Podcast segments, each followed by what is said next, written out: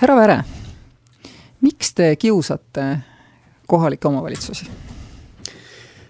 meie ei kiusagi, kas äh, see tuleneb kuidagi Põhja-Sakala vallavanema Karel Töölbi väljaütlemisest, et äh, tuleks kehtestada selline üleriigiline kokkulepe, et äh, ajakirjanikud ei kiusaks omavalitsusi ja nad saaksid kahe aasta jooksul teha ära valusad otsused. ma kujutan ette, et, et see on Kaarel Tölp lihtsalt tajudes seda vastutust Põhja-Sakala vallavanemana, sest Põhja-Sakala vallas lookleb Sakala tee.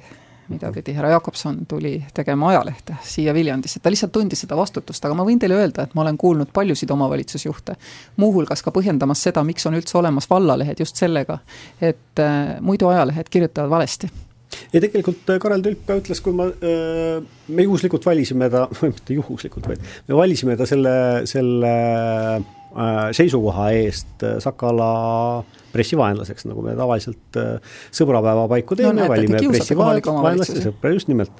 Äh, me, me tahame nende äh, vaenlastega ka alati saada paremale jalale ja seetõttu me pakume alati sellele, kes vaenlaseks saab, sellele võimalust saada endale Sakala tasuta tellimus terveks aastaks, et ta õpiks meid paremini tundma seda väga harva võetakse muide vastu, aga selles suhtes on materiaalses mõttes on vaenlane palju parem olla kui sõber, sellepärast et sõber saab ainult ühe rändauhinna, mis tal tuleb aasta hiljem ära anda. Eh, aga kui ma sellest siis eh, Karel Tölbiga rääkisin, siis tema ütles, et, et ta ei olnud üldse nagu oma valla asjade pärast äh, nagu pahane, et, et teda me oleme suhteliselt õigest, õigesti ja õiglaselt kohelnud, aga aga küll aga Mulgi vallast jäi talle selline mulje, et kui seal tahetakse midagi kinni panna, siis te, äh, kohe Sakala kirjutab ja, ja teeb sellest suure loo. Aga sedasi ongi jah, et äh, see ongi meie töö, kirjutada nendest asjadest, mis, äh, mida kohalikud võimud tahavad teha ja mitte alles siis, kui nad on selle kindlalt otsustanud ja välja kuulutanud ja seadusena vastu võetud, vabandust, mitte seadusena loomulikult, kas mingisuguse kohaliku, kohaliku määruse või otsusena, aga inimesed peavad sellest teadma ikkagi enne seda tunduvalt, kui alles siis, kui, kui kellad on löönud.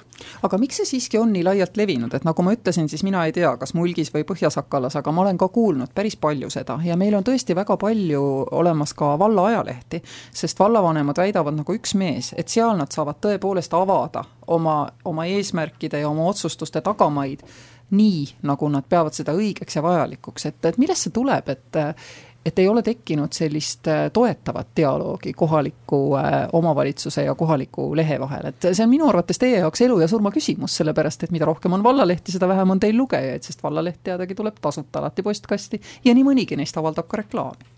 Äh, seal on teatud mõju, õnneks mitte Viljandimaal väga märkimisväärne, aga, aga mõnedes piirkondades on see väga tugev konkurents, eriti seal, kus see, see kohalik maakonnaleht siis nii-öelda, et, et ta ilmub noh, mitte viis korda nädalas nagu Sakala, vaid äh, ta ilmub võib-olla kaks korda nädalas, kus on veebiväljaannet äh, väga korralikku seal taga ei ole ja, ja nende ilmumissagedus ongi üsnagi sarnane ja, ja maht äh, sama ja, ja siis tekibki selline tunne, et, et, et aga leht on leht.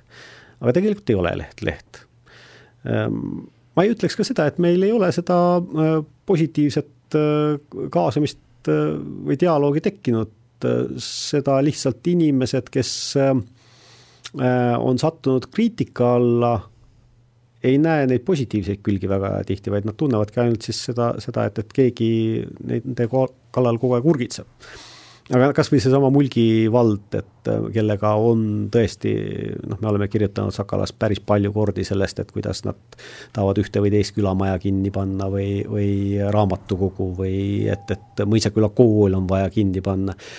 Ja näiteks Sakala juhtkirjas leidiski, et, et äh, noh, väga kurb, kui, kui kool kuskil kinni läheb, aga, aga kui äh, Mõisaküla koolis on kümme õpilast ja toome siia kõrvale Pullerbi küla, et, et kus oli mäletatavasti kuus last ja kus Astrid Lindgren, mis see siis on, viiekümnendatel kirjutab raamatus, et, et äh, kuus last ei ole piisav, et hoida ühes külas kooli. ja nüüd meil on aasta kaks tuhat kakskümmend kolm liikumisvõimalused on kõvasti paranenud? liikumisvõimalused on kõvasti paranenud, vahepeal isegi ilma liikumata tehti kaugtunde et, et kas see kümne õpilasega kooli üleval hoidmine on ikkagi mõistlik. Ja me leidsimegi oma juhtkirjas, et, et väga kurb, aga tegelikult Mõisaküla inimesed on selle valiku juba teinud, kui nad on äh, pannud oma lapsed näiteks abjakooli. aga ma olen tõepoolest ka mõelnud selle peale päris palju, et teie, teie tunnete minust palju paremini kohalikku elu ja elu Eestis maakohtades, et kui ma liigun mööda Eestit ringi, siis külamajast külamajani on üsna vähe maad tihtipeale, viisteist, kakskümmend kilomeetrit ja need on väga ilusti korda tehtud külamajad ja siis on ka raamatukogumaja, mis tingimata ei ole külamaja, pigem ei olegi. ja siis on koolimaja ka, mis on õhtuti sama tühi, kui külamaja on hommikuti tühi et kas meie kohalikel omavalitsustel teie hinnangul on ka kerge kinnisvarapuue, noh, me teame, et see kulu, mis sul läheb betooni, seesama kulu ei saa minna palkadeks ega muudeks vajalikeks teenusteks, et kuidas siit koha pealt vaadates see, teile tundub või no, on see ikkagi põhjendatud? ei, kindlasti see ongi niimoodi ja seda on väga raske sellest ringist samas ka välja murda, sellepärast et noh, tegelikult äh, Põhja-Sakala sedasama ju praegu ka üritab. aga iga äh,, iga valik, mis on äh, omavalitsusele halb, aga ta on äh, parem kui see veel halvem valik, siis äh, kohalikele inimestele on ta lihtsalt kõige halvem valik. Ja muidugi nad on selle peale vihased ja, ja, ja ei taha sellega kaasa minna.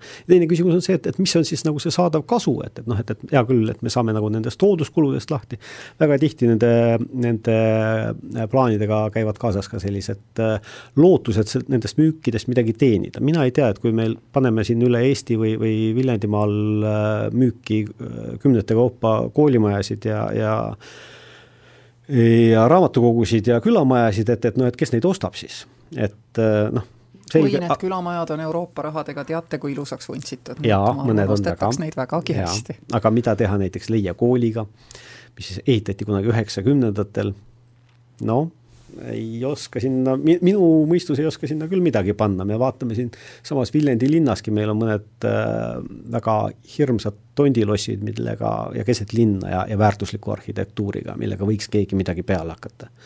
ja ei ole seda ideed, isegi noh, räägitakse ju seda, et, et raha on Euroopast väga lihtne saada, aga idee peab olema, aga ideid ei ole. kusjuures ähm selle Pullerbi kooli peale mulle tuli meelde, et äh, tegelikult äh, Soomes ka ja mitte viiekümnendatel, aga ka seitsmekümnendatel ja ma arvan, tänase päevani on koole, kus äh, ongi selline külakool, et selline tore inimene nagu Aku Sorainen, Sorainen Law Office, väga mm -hmm. tuntud, tuntud jurist Eestis, Aku Sorainen on sellises koolis õppinud viiskümmend kilomeetrit Helsingist, mitte viissada kilomeetrit Helsingist, kus oli kaks õpetajat ja siis kõik kohalikud lapsed käisid. ja see kool oli nagu lihtsalt paraja suurusega, ka see koolimaja mm. -hmm et äh, miks me sinnani ei jõua, et kas me oleme kuidagi ahistatud sellest suurest karbist, mis on seitsmekümnendatel, kaheksakümnendatel ehitatud ja me kuidagi ei saa nullist alustada selleks, et teha siis tõesti üks selline noh, kohalikele vajadustele vastav nagu kool. kas siin ei saaks kohalik ajakirjandus noh, leida neid häid näiteid, neid ju on Eestis, näiteks Metsküla kool, mis pani kinni Tuudi kooli, eks ole, mis asjus sealsamas lähedal, aga just nimelt oli see suur nõukogudeaegne kast, kastkool, kuhu noh, lihtsalt enam ei jätkunud, et et on ju võimalik ka kohalikule omavalitsusele toeks tuua, otsida neid positiivseid positiivseid näiteid ja ja nende ideid nagu, nagu toetada selles, mida nad üritavad teha, sest ma saan aru, et me oleme selles osas ühte meelt, et, et tegelikult teatud ratsionaalsus kohalikul valitsemisel on, on paratamatu ja loomulikult on need otsused vallavanemale valusad teha see ei ole halb mõte iseenesest, aga, aga mulle tundub, et seda pädevust on tegelikult ju omavalitsustel selles osas äh, rohkem kui meil siin äh, oma tosina ajakirjanikuga. et et kui omavalitsusel on oma haridusosakond, oma abivallavanem tavaliselt, kes keskendub siis sellele nii-öelda pehmemale poolele, haridusspetsialistid ja, ja nad on käinud ju ka mujal maailmas vaatamas, kuidas need asjad toimivad, nad on õppinud neid asju. Noh, eks me mingisugust teist perspektiivi saame teinekord siia sisse tul-, tuua, aga, aga ega me ei ole ka maailma targemad inimesed kahjuks aga kui me nüüd üldse vaatame meie kohalikku elukorraldust, siis äh, kuidas teile tundub, kas kohalikel omavalitsustel on piisavalt tegevusvabadust selleks, et näiteks omavahel võistelda ja teha e-, erinevates valdades erinevatele valijatele erinevat Eestimaad. no vot, seda teate teie minust palju paremini, sellepärast et seda te olete korduvalt ka varem äh, välja toonud, et äh, et äh, omavalitsustel peaks olema suurem tulubaas, et nad saaksid tegelikult omavahel palju rohkem konkureerida. no ma, kuidas teile tundub, on nad selleks valmis äh,? ma arvan, et see valmisolek tekib siis, kui, kui tekivad võimalused. Võib-olla igal pool ei teki ka, võib-olla igal pool ei julgeta. Selles suhtes, et see, see ongi siis see valikute koht, et aga meie siin keskendume nüüd noortele peredele ja noh, teised asjad me tõmbame tagasi.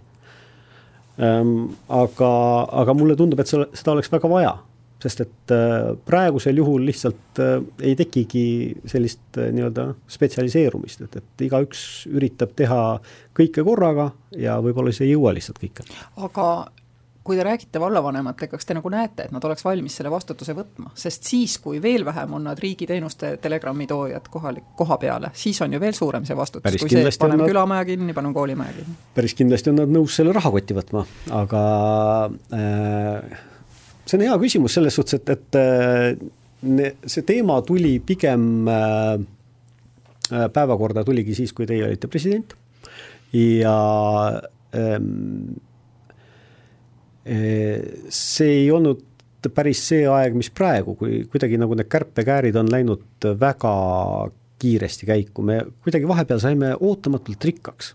me kõik saime kuidagi ootamatult rikkaks omavalitsused ka. ma mäletan, kuskil viis aastat tagasi oli Viljandi linnas oli üks, üks äh, maakividest surnuaia müür äh, suure ristmiku peal, millest tehti ära pool, sellepärast et kaheteist meetri jaoks ei leitud viite tuhandet eurot. Ja siis järsku läks paar aastat mööda ja me ehitasime jalgpallihalli äh, mille kütmiseks meil praegu enam väga palju raha ei ole, aga, aga hall on olemas. sportlased on õnnelikud selle üle eks see raha tuli suures osas muidugi riigilt, äh, koroona, koroona nendest äh, abifondidest, aga, aga järsku hakkas seda raha igalt poolt tulema. eraisikutel täpselt samamoodi ja nüüd, kui me kõik peame hakkama neid äh, kulutusi kokku tõmbama, siis ma arvan, et äh, võib-olla praegu tõepoolest oleksid äh, omavalitsused võib-olla mõnel hetkel isegi nagu rohkem äh, õnnelikud selle üle, kui nad saaksid kellegi poole näpuga näidata ja öelda, et, et nemad seda nüüd seal käsevad. aga võib-olla ma eksin selles suhtes, et, et noh, et ka Põhja-Sakala puhul oleks ju selles suhtes lihtsam minna siis saneerimisele lihtsalt. ja siis ongi võimalik, võib-olla nad sin-, sinna ka tüürivad. et ja siis ongi võimalik öelda, et, et aga meie ei teinud midagi, Rahandusministeerium käskis et ähm, mul on ikkagi huvi selle piirkonna arengu vastu. kas äh, Viljandi linn peaks ehitama Viljandisse spa? Vot see, selleks küsimuseks ma oleks võinud muidugi valmistuda, aga, aga ei osanud selle peale tõesti tulla, et selle peale mõelda. see on väga oluline küsimus, seda on siin arutatud, seda otsust on tehtud, see konkurss on välja kuulutatud, see on ebaõnnestunud. ja ma oleksin, ma arvan, et ma oleksin öelnud seda kuskil viis minut- või viis aastat tagasi ma oleksin öelnud, et jah, see on hea mõte, see võiks olla piirkonna mootor. ja praeguses äh, tarkuses ütleksin, et, et küll on hea, et seda ei tehtud aga huvitav, et äh, millest see tuleb, et me sellise tarkuseni peame nagu iga linn ja iga vald ise jõudma? sellepärast, et äh, noh, põhimõtteliselt mis, kõik tahavad olla kuidagi atraktiivsed. aga originaalseid ideid selleks, kuidas olla atraktiivne, tegelikult napib et kas või seesama jalgpallihall, mida ma siin mainisin, ma arvan, et see oleks äh, äh, linnale kasulik, kui seda ei oleks mujal. Kui äh, riik äh, teeb selle programmi lõpuni ja põhimõtteliselt iga maakond saab endale jalgpallihalli, äh, siis temast ei saa sellist mootorit, ta saab jah, kohalikele sportlastele kindlasti väga abiks, aga ta ei tõmba midagi edasi ja te, tema, ta, teda tuleb üle, üleval pidada. aga härra Väre, kui sageli on läinud teie ajakirjanik vallavalitsuse või linnapea juurde, kes seisab uhke ja õnneliku näoga järjekordse pingule tõmmatud lindi juures ja valmistub sinna kääre sisse lööma. ja küsinud, et härra linnapea, selle nelja, kuue, kaheksa miljoni euro eest oleksime me saanud anda igale erivajadusega lapsele meie linnas ja selle ümbruses tugiisiku. toetada kõiki üksi elavaid vanureid sellega, et neil oleks midagi teha selles elus, saada kusagilt kokku olla üksteisele toeks või et neil oleks sotsiaaltöötaja tugi, mis ka tugi oleks tõepoolest. miks, härra linnapea, valisite te tõmmata siia selle lindi pingule täna, nüüd ja praegu? Äh, esiteks ma arvan, et te ülehindate nende lindi lõikamiste tähtsust, et ähm, no see on piltlik. aga betoon aga, versus inimesed aga.... miks me püstitame monumente, mitte ei tegele inimestega? ja kas teie ajakirjanikud on seda iga kord küsinud? Kindlasti meie ajakirjanikud ei ole seda iga kord küsinud ja seda ei saagi iga kord küsida, sellepärast et äh, nii nagu riik, nii ka omavalitsus äh, ikkagi jah, ma nagu ma ütlesin, et, et võiks olla mingisugune spetsialiseerumine võib-olla, et nad konkureeriksid omavahel. aga ei saa ka niimoodi, et me mingite aladega nagu üldse ei tegele. ja siis on see küsimus, et kas see konkreetne otsus, kas see konkreetne asi, mida nüüd praegu tehti, et kas see oli rumal või mitte kas see betoon siin on, on halb mõte või mitte.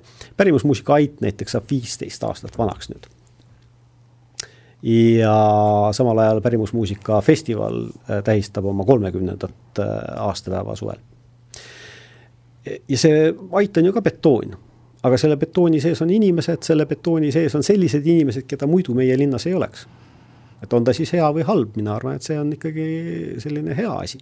aga kas ei ole nii, et pärimusmuusika ait teeniti välja viieteistaastase tööga mittemateriaalset mm -hmm. väärtust luues? ja, alles siis tuli see ait, mitte vastupidi? täiesti õige, aga väga palju sellest betoonirahast äh, me jõuame sinna tagasi, et, et aga selle üle tegelikult ei otsustagi linnavalitsus ega vallavalitsus, vaid see raha tuleb kuskilt äh, riigilt ja siis tuleb leida oma vahenditest see, et, et äh, seda raha mitte raisku lasta aga kuidas see paistab nagu koha peal, et ma seda kuulen hästi tihti, et aga see ei olnudki meie raha, et noh, me kulutasime nagu riigi raha, väga hea, riigi raha alati hea kulutada, eks ju, või me isegi veel parem, me kulutasime nagu Euroopa Liidu mhm. raha. see on et, päris võõras.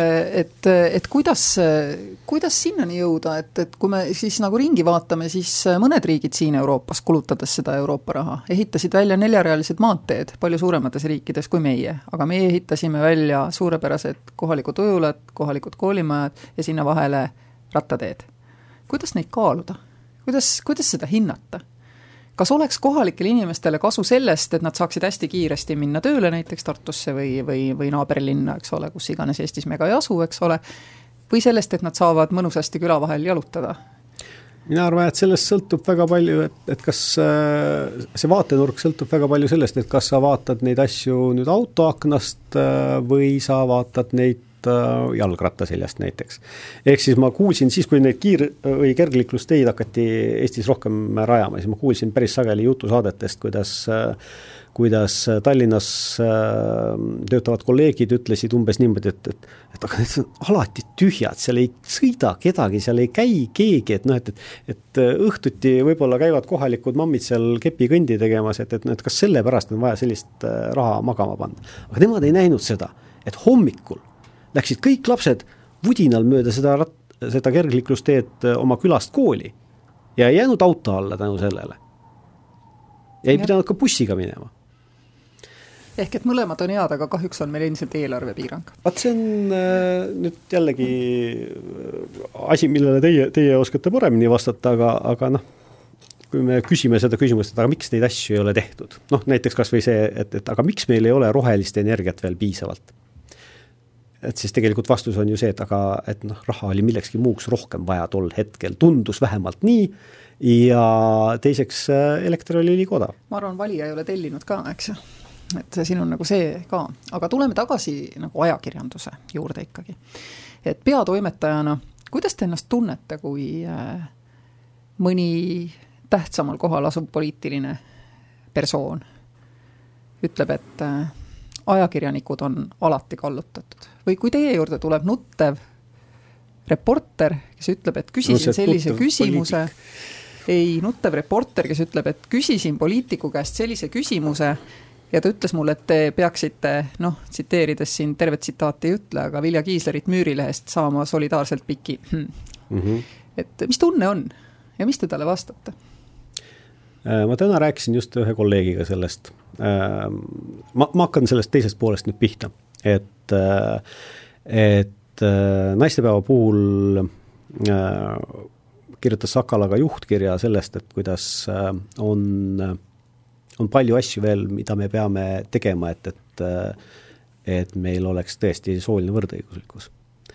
Et kui meil on näiteks, ma nüüd protsendis võin eksida, aga et umbes, see oli nüüd ÜRO andmetel, seitsekümmend kuus protsenti naisajakirjanikest kogeb seda, et, et veebiterrorit põhimõtteliselt nende vastu mm. -hmm et kas siis interneti kommentaare väga õelaid, mis ei tulene sellest, et noh, et ma ei tea, et äh, inimene on kuskil loos vea teinud näiteks, eks ole, on ju, ja siis seda tähelepanu viisakalt juhitakse, sest et me kõik teeme aeg-ajalt vigu. aga kus ongi terror, kus on äh, sildistamine, mõnitamine, isiklik, väga isiklik asi. et kas äh,, kas see seitsekümmend kuus protsenti või mis ta umbes sinnakanti oli, et, et kas see nüüd tähendab seda, et, et mehi äh, selle võrra vähem rünnatakse ja nad panevad seda lihtsalt, või nad panevad seda lihtsalt vähem tähele. ma arvan, et tegelikult see, neid äh, ikkagi naisi rünnatakse rohkem, sellepärast et nad tunduvad kuidagi kergem sihtmärk. ja äh, mis tundega ma selle kohta siis, siis äh, vaatan, et, et minu tunne on see, et, et, et, et kuidas ma seda ütlen, minu töö on siis nende juhtumitega tegeleda no kuidas te sellega tegelete? kui ajakirjanik tuleb teie juurde ja ütleb, et ma küsisin ja mind solvati nagu vastu, mis te teete, kirjutate vihase juhtkirja, helistate sellele inimesele, oli see siis poliitik või noh, kes iganes, ettevõtte juht, eks ole, aselinnapea ütles, et teie ajakirjanik no see, on purjus, kui ta mulle helistas no see, Tallinnas, juhtus hiljaaegu see, niimoodi. see, see, et see küsimus on ikkagi ka, tuleneb sellest, mis siis täpselt juhtus. kui see, et allikas on vihane, ei vasta, äh, võib-olla on isegi ebaviisakas, äh, see tegelikult kuulub natukene meie töö juurde, midagi ei ole teha. Äh, teine asi on see, et kui äh, sellele järgneb näiteks siis mingisugune sõnumite laviin, kus, äh, kus ähvardatakse, kus mõnitatakse, süüdistatakse, näidatakse näpuga. no olgem ausad, mõne ajakirjaniku artiklile järgneb see laviin alati, kui kommentaariumit ei ole kinni keeratud. Võib-olla küll jah, meil, meil, meil õnneks ei ole ilmselt kas selliseid ajakirjanikke, ma ei tea, kas see on hea või halb, selles suhtes, et, et võib-olla siis ei ole me piisavalt teravad aga võib-olla on meie lugejad äh, selle võrra natukene mõistlikumad ja, ja inimesed, kes töötavad äh, nii-öelda sinu kõrval, keda sa võid kohata tänaval, kes ei ole anonüümsed, et nad on niivõrd palju ikkagi lähe, lähedasemad ja, ja nendega käitutakse ka paremini. kas teie kommentaarium muide on anonüümne? ei ole et need isikud on tuvastatavad teie kommentaariumis, kas see äh, oleks lahendus, et kõik see delfinaarium kõik kinni panna? Äh, maakonnalehed läksid äh, esimesena minu meelest Eestis, ma pean siis silmas nüüd neid maakonnalehtesid, mis kuuluvad Postimees Gruppi toona Eesti meediasse, et, et läksid esimesena Eestis üle äh, identifitseeritud kommentaaridele ja me kaotasime sellega põhimõtteliselt kommentaarid võin ma öelda selles suhtes, et, et neid kommentaare tuleb väga harva seal ette. kommenteeritakse pigem kuskil sotsiaalmeedias neid lugusid.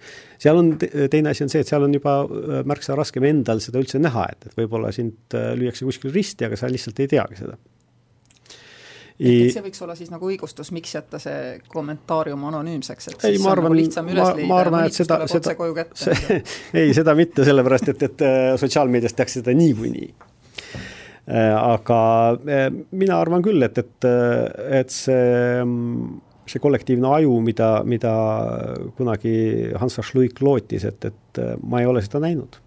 see kaob ära sinna, sinna müra sisse, heal juhul müra sisse, halval juhul siis rünnakute või, või, või sõimu sisse aga mul on ikkagi nagu see küsimus, te ütlesite ka, et, et see on nagu palga sees, et öeldakse halvasti, solvatakse ja kõike muud, et kas me ikka peame sellega niimoodi leppima, et ongi palga sees, kas me, kas kõige sellega nagu leppides, nii ajakirjanik ajakirjanikuna kui ka poliitik teise poliitikuga parlamendis debateerides, kas me ikka peame sellega nagu leppima? Või mis minule nagu tundub, et äkki ei pea, sest et kui me kogu aeg sellega nagu lepime, siis me kogu aeg langeme nagu sellest allakäigutrepist veel madalamale ja madalamale no vot, aga mis, mis siis see teine variant on, et kui äh, hakata seaga maadlema, siis, siis äh, lõpuks olete mõlemad porised ja tema võidab oma kogemusega, eks ole, aga kas see on väljapääsmatu olukord sellisel juhul, selline väitluskultuuri allakäik, et kui niimoodi seda võtta, siis justkui jääbki nagu mulje, et noh, kunagi oli mingisugune ideaalne väitluskultuur ja nüüd me sellest järjest paratamatult nagu kaugeneme. Või võiks ikkagi ajakirjandus aktsepteerida mingit vastutust, püüda seda, seda väitluskultuuri, ükskõik, kas see on ajakirjanduses või poliitikas, noh, uuesti tõsta, arendada, edendada ega vist jah, Antiik-Kreekast saadik nagu see väitluskultuur on alla käinud, aga ähm, ma kindlasti ei taha sellega leppida. see ei ole, minu mõte ei olnud see, et me peame sellega leppima, aga see on äh, see, et, et äh, meie kõrval elab tõpraid, kes ei oska viisakalt väljenduda või kes elavad välja mingisugust oma isiklikku probleemi teiste peal, see on paratamatus kui nüüd eh, noh, aga siin on ka see vahe, et kas inimesel on nüüd halb päev või on halb inimene. ja kui on halb inimene, siis kui palju me peame talle tähelepanu pöörama või kui palju peame talle sõna andma või mingisugustel positsioonidel võib-olla see on äh, möödapääsmatu. me peame temaga rääkima. kui ta on valitud äh,, valitud mingisugusele olulisele kohale, rahvas on andnud talle mandaadi, me peame temaga rääkima aga äh, kuidas see, kuidas see niimoodi juhtub, et rahvas annab mandaadi inimesele, kellega ta ei oleks nõus, äh, ma ei tea, koos ühes bussis sõitma, sest et noh, nagu see kõrva peale hakkab, see tekst. sellepärast, et rahvas ei ole ühtne, on neid inimesi, kellele selline tekst ju väga meeldib et ma olen ka palju mõelnud selle peale, et, et noh, tegelikult saab kindlasti tähelepanu ja ka positiivselt, kui noh, ma ei tea, joosta ebakohases riietuses mööda kesklinna, et paljud inimesed naeravad, eks ole, ja see tõmbab nagu tähelepanu ja, ja siis järelikult paljudele nagu meeldib. aga miks see on muutunud? Et miks me varem selliseid inimesi ei palunud enda eest otsustama ja nüüd palume? varem noh, toladel on tolakoht, tsirkus oli mm -hmm. selle koha nimi, eks ole, mis ei ole tänapäeval väga levinud selline tegevusala. No, miks eks... me täna palume selliseid inimesi enda eest otsustama ja miks ajakirjanikud ei näita meile selgemalt seda, et nendel inimestel ei ole tegelikku pädevust mitte üheski poliitikavaldkonnas sisuliselt kaasa rääkida. ma ei tunne, et ma nagu saaksin seda, ma saangi neid, nende inimeste väljaütlemisi ja ma näen ka, et, et noh, et aktsepteeritakse seda, et nende roll ja koht on, on olla tsirkusetola Äh, keskkonnas, kus ei peaks üldse olema tsirkusetolasid. et, et miks ajakirjanikud ei, ei ürita nende inimeste käest küsida nende vaateid majanduspoliitikale, maksupoliitikale, äh, regionaalpoliitikale, et, et just needsamad inimesed peaksid vastama nagu nendele küsimustele, et kui teie piirkonnast äh, esindab, no kui ma ei eksi, siis taaskord, eks ole, Riigikogus on, on, on siit läinud Kalle Grünthal, eks ju vist, et või noh, oleks Pärnust tulnud Kivisildnik, eks ole, Äh, kindlasti on meil neid kuldsuid ka teiste erakondade ridades, et, et miks te ei küsi regulaarselt nende käest, iga kord, kui nad on hakkama saanud millegi tähelepanuväärsega ja kui küsinud peaministri käest lillekese ja muid küsimusi, miks te ei küsi nende käest, et kuule, hei, et ma vaatasin eile, panin siin tähele, et sul oli selline väljaütlemine, ma tahaks täna väga teada, et mis su see lähenemine on kohalikule regionaalpoliitikale, maksupoliitikale, mis sa arvad, kas käibemaks peaks olema niisugune või teistsugune? et äkki nagu see noh, sunniks neid tegelema sisuliste teemadega, ei jääks enam nii palju aega ahvikombel karata. kui nüüd äh, konkreetselt äh, Grünthalist rääkida, siis no, Grünthali puhul on kuna ta on siinne. jah, et just nimelt, et ta on nagu rohkem Järvamaa mees Viljandimaale satub ta harva, nagu, nagu sageli poliitikud, kes eh, ei ole siit pärit, siis, siis nad eh, ärkavad enamasti enne valimisi. Kalle Grünthali puhul võikski just nagu positiivsena näidata seda, et, et ta tegutses siin ka sel ajal, kui oli valimiste vaheline periood.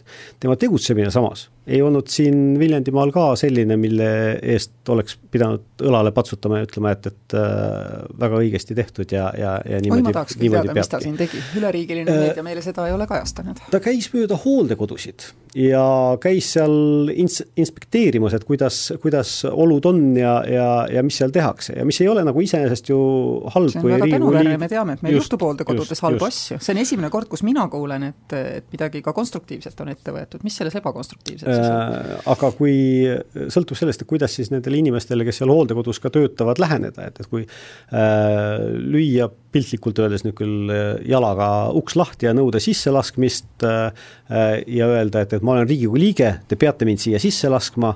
no aga see on ju, see kuulub palga sisse, tavapärane käitumiskultuur, diskussiooni kelle, kelle, kelle palga sisse no,? aru. hooldekodutöötajate no, palga sisse? nüüd siis jah. no vot, minu meelest ei kuulu ja nende seisukohtade võtmine. Nende seisukohtade võtmine on äh, Kalle Grünthali tasumine kuulub Eesti kodanikupalga sisse. see oleks täitsa huvitav. äh, ma ei, ma ei usu, et kaheksakümmend protsenti inimestest nõustuksid sellele töölepingule alla kirjutama. võib-olla kakskümmend. Äh, aga kus ma tahtsin jõuda, on see, et, et eks siin on ikkagi eelkõige, kui ma nüüd räägin Sakalast, siis siin on eelkõige ressursi küsimus, ehk siis äh, me peame eelkõige pöörama tähelepanu sellele, mis toimub meil maakonnas, vahel harva jõuame kajastada ka neid asju, mis äh, toimub äh, maailmas, Euroopas, Eestis. Ja, ja selle, sellesse ta jääbki, et, et ega me hoides silma peal, mis toimub neljas, nelja omavalitsuse ja nüüd neid on neli, eks ole, ennem oli neid ju palju rohkem, volikogus, volikogudes ja valitsustes, siis eh, ega kõiki Riigikogu istungeid ei jõua ära vaadata meie aeg on piiratud, aga ma ühte teemat tahaksin veel väga käsitleda teie kui ajakirjanduse spetsialistiga ja kohaliku ajakirjanduse spetsialistiga. et ma tsiteerin teile Rein Langi. et Rein Lang nimelt eh, üsna hiljaaegu ütles, et talle ka tegelikult väga meeldiks Tallinnast Roskaga sõita, kõik see meeldiv hobuse hais ja ja et väga tahaks seda nagu teha. aga ta on aru saanud, et maailm on edasi läinud. et milline on teie vaade, ma arvan, te saate aru, et ta kõneles paberajakirjandusest, milline on teie vaade, kui kaua elab paberist ajaleht ja kas ta peaks elama olukorras, kus tegelikult äh, noh, ilmselgelt oleks ju kõigil Eesti väljaannetel märksa mõistlikum kokku leppida, et mitte nõuda riigi käest kogu aeg seda kojukande dotatsiooni, vaid nõuda riigi käest ükskord kõigile vanainimestele iPadid see oleks kindlasti äh, märksa soodsam. tegelikult ei ole, selles suhtes, et äh, see on äh, asi, mis oli laual, väga tobe väljend, palun vabandust, oli laual umbes kümme, üksteist aastat tagasi. aga miks ta laualt maha lükati, vabandust, väga tobe väljend? ja toona olid mingisugused Soome kogemused, kus oli see ei olnud päris iPadi moodi asi, aga mingi sarnane, sarnane seade oli soetatud äh, paljudesse, ühesõnaga üks ajaleht oli oma tellijatele soetanud selle seadme. aga seal oli võimalik edastada sinna äh, siis seda ajalehte mingisuguse kaabeltelevisiooni võrgu kaudu. kui meie soetaksime kõigile vanainimestele iPadid, ütleksime neile, et paberleht enam ei tule kui suur on riigi kojukande dotatsiooni summa igal aastal? jään vastuse võlgu. et noh, ma kahtlustan, et seda ei peaks isegi ajalehed tegema, et no lihtsalt leppida riigiga kokku, et äh, aastake. aga Juba... nende iPadidega hakkavad kohe mured pihta, esiteks, kes äh, maksab selle kuutasu, sest nad vajavad internetiühendust no äh, kuulge, enamustel Eesti pensionäridel on tänapäeval kodus internet. teine asi on see, et aga ega see iPad ei kesta ju lõputult minu siis, oma on seitse aastat vana. siis tuleb ta välja vahetada. ei ole või, tulnud. võib-olla, võib-olla keegi müüb selle üldse maha lihtsalt. et kas me siis kingime nagu inimestele iPadid, et äh, mille, mille nad saavad äh, vahetada söödava kraami vastu näiteks jaa, nad ka täna võivad loobuda Hulle, joodava. see, see ei päde, selles mõttes, et kui ka täna inimene võib loobuda paberlehe tellimisest ja osta selle asemel hot dogi, on ju, mhm. et tegelikult ei ole ju vahet. et kui me sellisel viisil vabastaksime riigi sellest piinavast kohustusest iga aasta väidelda teiega kojukande dotatsiooni üle, teeks selle ükskord nagu ära ja siis on tõesti iga inimese enda valik, kuidas ta selle asjaga nagu edasi läheb, et ma muide ei ole nõus selle kümne aasta taguse võrdlusega, aeg on väga palju edasi läinud, vahepeal on olnud koroonakriis, mis on näidanud, et Eesti e-riik tänu sellele, et meil on e-riik, on meie kodanikud üldiselt rohkem internetiga nagu kokku sobituvad ja meie vanaemadel on Facebookis rohkem kontosid, kui me arvasime ja nad said väga hästi hakkama vanadekodus oma, oma lähedastega sideme pidamisega läbi nende sama, samadegi iPadidega. see on, tänane vanur oli viiekümneaastane siis, kui sündis Eesti e-riik, eks ole. et see asi on edasi läinud kõvasti, kümme aastat. et ma jätkuvalt tulen selle küsimuse juurde, et kaua me seda, seda troskat Tallinna kesklinnas siis teie arvates peaksime kannatama? Äh, Tallinna kesklinnas ei ole seda roškat absoluutselt enam vaja kannatada. äripäev läks äh, üle paberlehest äh, täielikult veebile ja, ja nende nišis see töötab väga hästi mina ei usu, aga et ma ei näe hobuveokeid siin ka, siin Viljandi kandis, ma täna tulin Pärnu poolt, ma ei näinud mitte ühtegi hobuveokit. ja meil on suvel on isegi elektritõuksid. nii aga..., aga jätkuvalt on paberist ja, ja, ja, ja mitte, mitte, mitte ainult elektritõuksid, vaid meil sõidavad siin Kleve, Clevoni isesõitvad, sõitvad autod ehm, aga mina ausalt öeldes ei usu seda, et meil õnnestuks noh, kindlasti väga suur osa õnnestuks digisse üle tuua. aga ma arvan, et, et kuskil ma ei tea kas, kas nelikümmend protsenti, kolmkümmend protsenti praeguse seisuga oleks neid, kes lihtsalt käitumuslikult ei tuleks üle digisse see on päris suur osa elanikkonnast. isegi ja... kui nad saaksid selle tahvli, kus muide juhin tähelepanu, pole prilli ka vaja, teed teksti suuremaks ja isegi kui nad saaksid näiteks viie aasta tasuta Sakala tellimuse ja see kõik oleks riigi poolt doteeritud sellesama kojukande dotatsiooni arvelt? Äh, teate, see ei ole nii lihtne selles suhtes, et, et, äh, et äh, internet on paljudel inimestel, ka vanematel inimestel igapäevases kasutuses.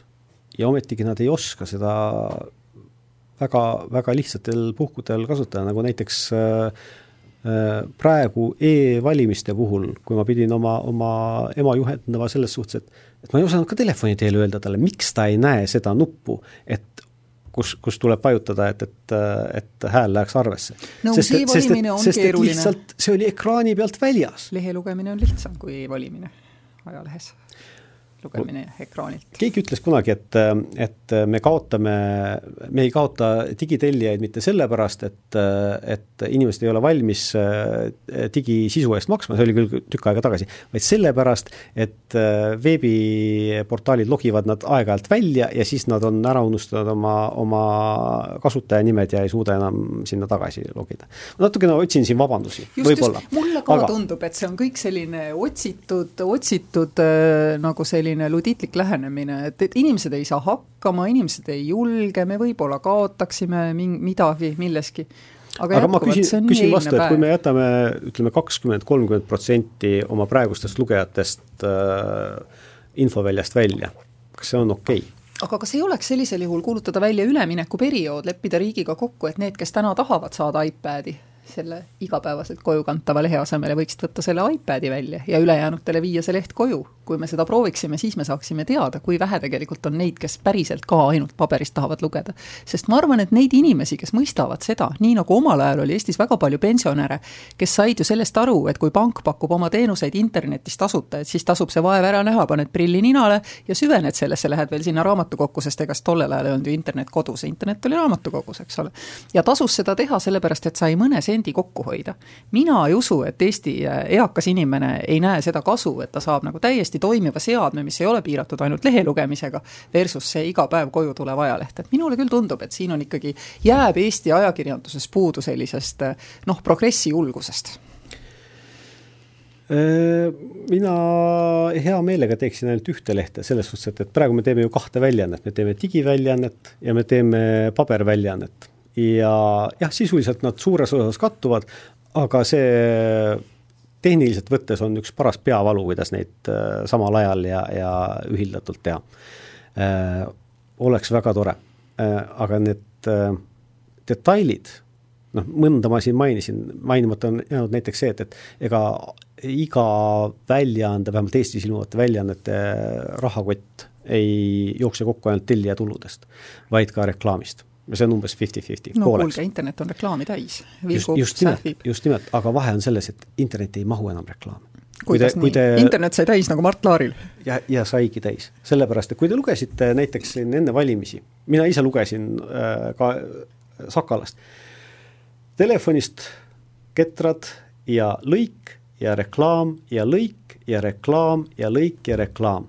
sellepärast, et seda reklaami oli enne valimisi sedavõrd palju, see tuli kuidagi ära mahutada aga see ongi see asi, et, et äh, üks asi on see, et iPad on natukene suurem kui, kui telefon ja praegu on ju üle viiekümne protsendi netiliiklusest on meil telefonides ilusasti. Telefoni ekraan on väike ja sinna väga palju reklaami ei mahuta. ega te ei peta oma reklaami ostjaid. noh, selles mõttes, et ma arvan, ka paberlehel ei ole vaja surmakuulutustest kaugemale lihtsalt vaadata ja siis sa ei näe seda toredat tagumist reklaami külge ei, me selles suhtes ei peta, et, et äh, need, kes sinna jõuavad, need jõuavad ja need, kes ei jõua, ei jõua, eks, eks reklaamiandja teab ise ka seda, et, et äh, kus tema reklaam paremini nähtav on ja teksti küljel on selle võrra ka reklaam kallim. aga äh, see on see mahu küsimus ikkagi. et ega mul ei olnud ka meeldiv lugeda niimoodi, et, et ma pean iga lõigu järel nägema reklaami.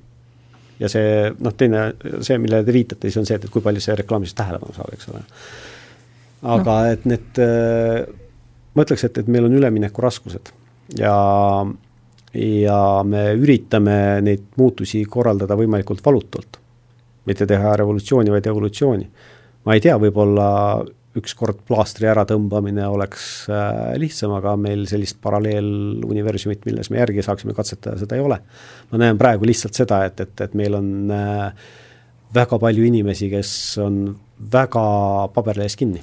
meil oli ka väga palju inimesi, kes olid äh, kassaluugis kinni ja siis tegi riik selle otsuse, et kõikide inimeste palgad lähevad panka. ja siis olid ATM-ide taga olid järjekorrad inimestest, kes said aru, et kassiir on asendatud masinkassiiriga, võtsid kohe oma palga välja. aga nad loobusid sellest praktikast üsna kiiresti, et julgustagu see ka siin Eesti ajakirjanduse noh, ühes sellises hällis Viljandis mõtlema teid suurelt, mõtlema julgelt ja mõtlema äh, tehnoloogiarikkalt ja võib-olla on seda päris hea teha kevadisel õhtuses, õhtuses päikeses äh, seal Sakala teel, et see on muide imelius tee, et ma tahaksin kõiki kuulajaid kutsuda, kutsuda sinna kas jalutama või, või rattaga sõitma, et et äh, iseendal tulevad ka head mõtted pähe, et ma üldse ei imesta, et, et ajaleht Sakala oli selline Eesti ajakirjanduse lipulaev kunagi, siis kui seda teed astus Karl-Robert Jakobson Kurgjalt Viljandisse. aitäh selle arutelu eest ja ma vabandan, kui need küsimused kõlasid kiuslikult, poliitikuna loomulikult ei saa ma jätta kasutada võimalust nii-öelda teha tagasi. aitäh teile ärakannatamast! mina tänan väga küsimuste eest!